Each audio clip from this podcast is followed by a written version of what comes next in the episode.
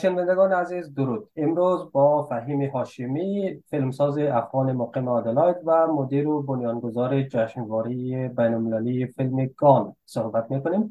دوره هشتم جشنواره روز شنبه 28 اکتبر از شهر آدلاید در ایالت استرالیا جنوبی آغاز میشه آقای هاشمی به اسپیس برای خوش آمدید. در ابتدا میشه برای شنوندگان ما توضیح بدهید که جشنواره فیلم گان چی هست و با چی هدف یا اهداف برگزار میشه؟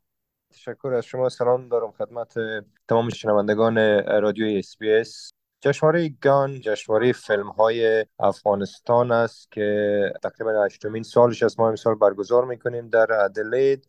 و ملبورن و سیدنی هم سال چهارم و سیومش به ترتیب می باشه سال دو... گفتم سال 2016 شروع شده و معمولا سر فیلم هایی که از افغانستان ساخته میشه و یا در رابطه با افغانستان می باشه focus می‌کنه. جشنواره گن دو سه هدف دارد. هدف اساسیش همی است که یک راه و network بین افغان ها مردم افغانستان در استرالیا و بالاخره فیلم سازا و فیلم افغانستان باز بکنه همونطور که شما می‌فهمین. رسانه ها به خصوص فیلم تصویر دیگه از یک جامعه رو برای مردم میتن و یک از اهداف ما همو است. اهداف بعدی ما هم تشویق فیلم سازا و حمایت فیلم سازا داخل افغانستان است و حمایت و نوع و انواعی که می‌تونیم از اینجا و هدف دیگه هم که همون نام از این فیلم فستیوال از گان و اساس همون تاریخ افغانان ساربان در استرالیا. بنا نهاده شده که خب بتونیم هر سال بنا بالاخره همون یک, یک گوشه که بسیار خورده که ما می‌تونیم از این تاریخ بسیار بزرگ را به مردم نشان بدیم و بالاخره یادآوری بکنیم.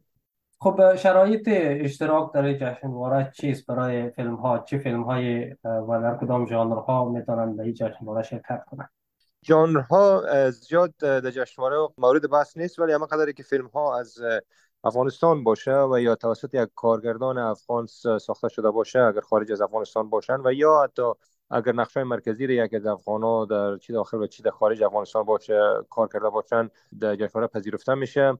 جانرهایش مثل گفتم اونقدر سرش چی نیستیم استریک نیستیم ولی در کل بر فیلمایی که بر ما می‌رسه معمولا هم فیلم کوتاه می باشه و هم فیلم مستند و هم فیلم اونری خب امسال چی فیلم ها را کدام فیلم ها را در جشنواره دارید؟ در جشنواره امسال یک فیلم کمدی داریم که dark comedy برش میگن. معمولا از افغانستان به نام Laughing Afghanistan و یا لبخند برای افغانستان.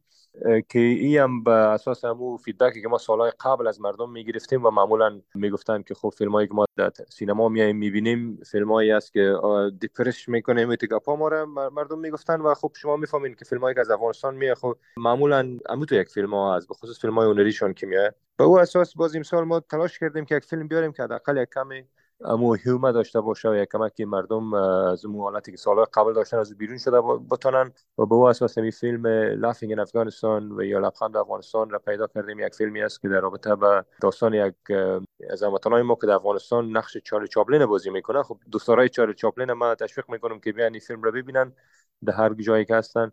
او فیلم امسال داریم و بعد از یک فیلم دیگه به نام فیلم وطندار که فکر می‌کنم اکثریت دوستا شاید بلد باشن به نامش. وطندار در رابطه به تاریخ افغانای ساربان یا کاملیرز در استرالیا هست که توسط یک فیلمساز استرالیایی در استرالیا ساخته شده و نقش مرکزی از او یکی از هموطنان ما و شما دارن. دیگه این دو فیلم بلند است یا بلند مستند؟ و پنج فیلم هم فیلم های کوتاه داریم. به جشنواره که اونا هم بخیر نمایش میتیم. و یک فیلم هم فیلم بلند که در استرالیا ساخته شده به نام Wanted. او هم در بخش ویژه جشنواره امسال بخیر نقش داره که او فیلم در ملبورن ساختن هماتونای ما شما او هم در بخش ویژه جشنواره امسال نقش داره.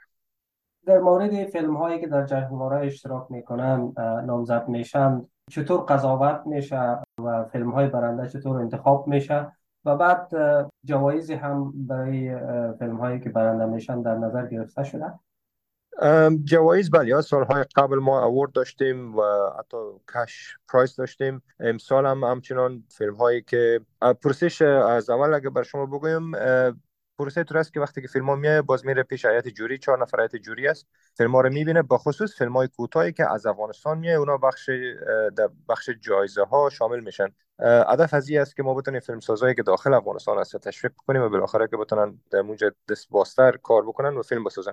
فیلم های کوتاه معمولا در بخش جوایز را پیدا می‌کنه اوورد می‌گیره. امسال هنوز معلوم نیست ولی سالهای قبل مثلا پارسال فیلم به نام 15 آگوست جایزه بهترین فیلم را گرفت و به می ترتیب سالهای قبل.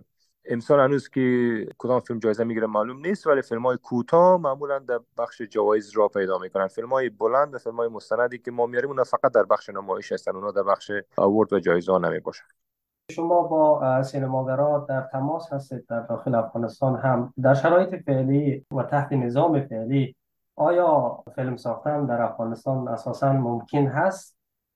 یکی از دغدغه های بسیار کلان ما هم از طرف جشنواره و هم از طرف دوستایی که در جشنواره کار می‌کنن همی است که ممکن نخواد باشه. به خاطر که ما تا بال فیلم هایی که در جشنواره می‌گیریم یا در دوران قبل از سال 2021 ساخته شده و یا بعد از 2021 مستندایی است که در رابطه به می موضوع ساخته شده.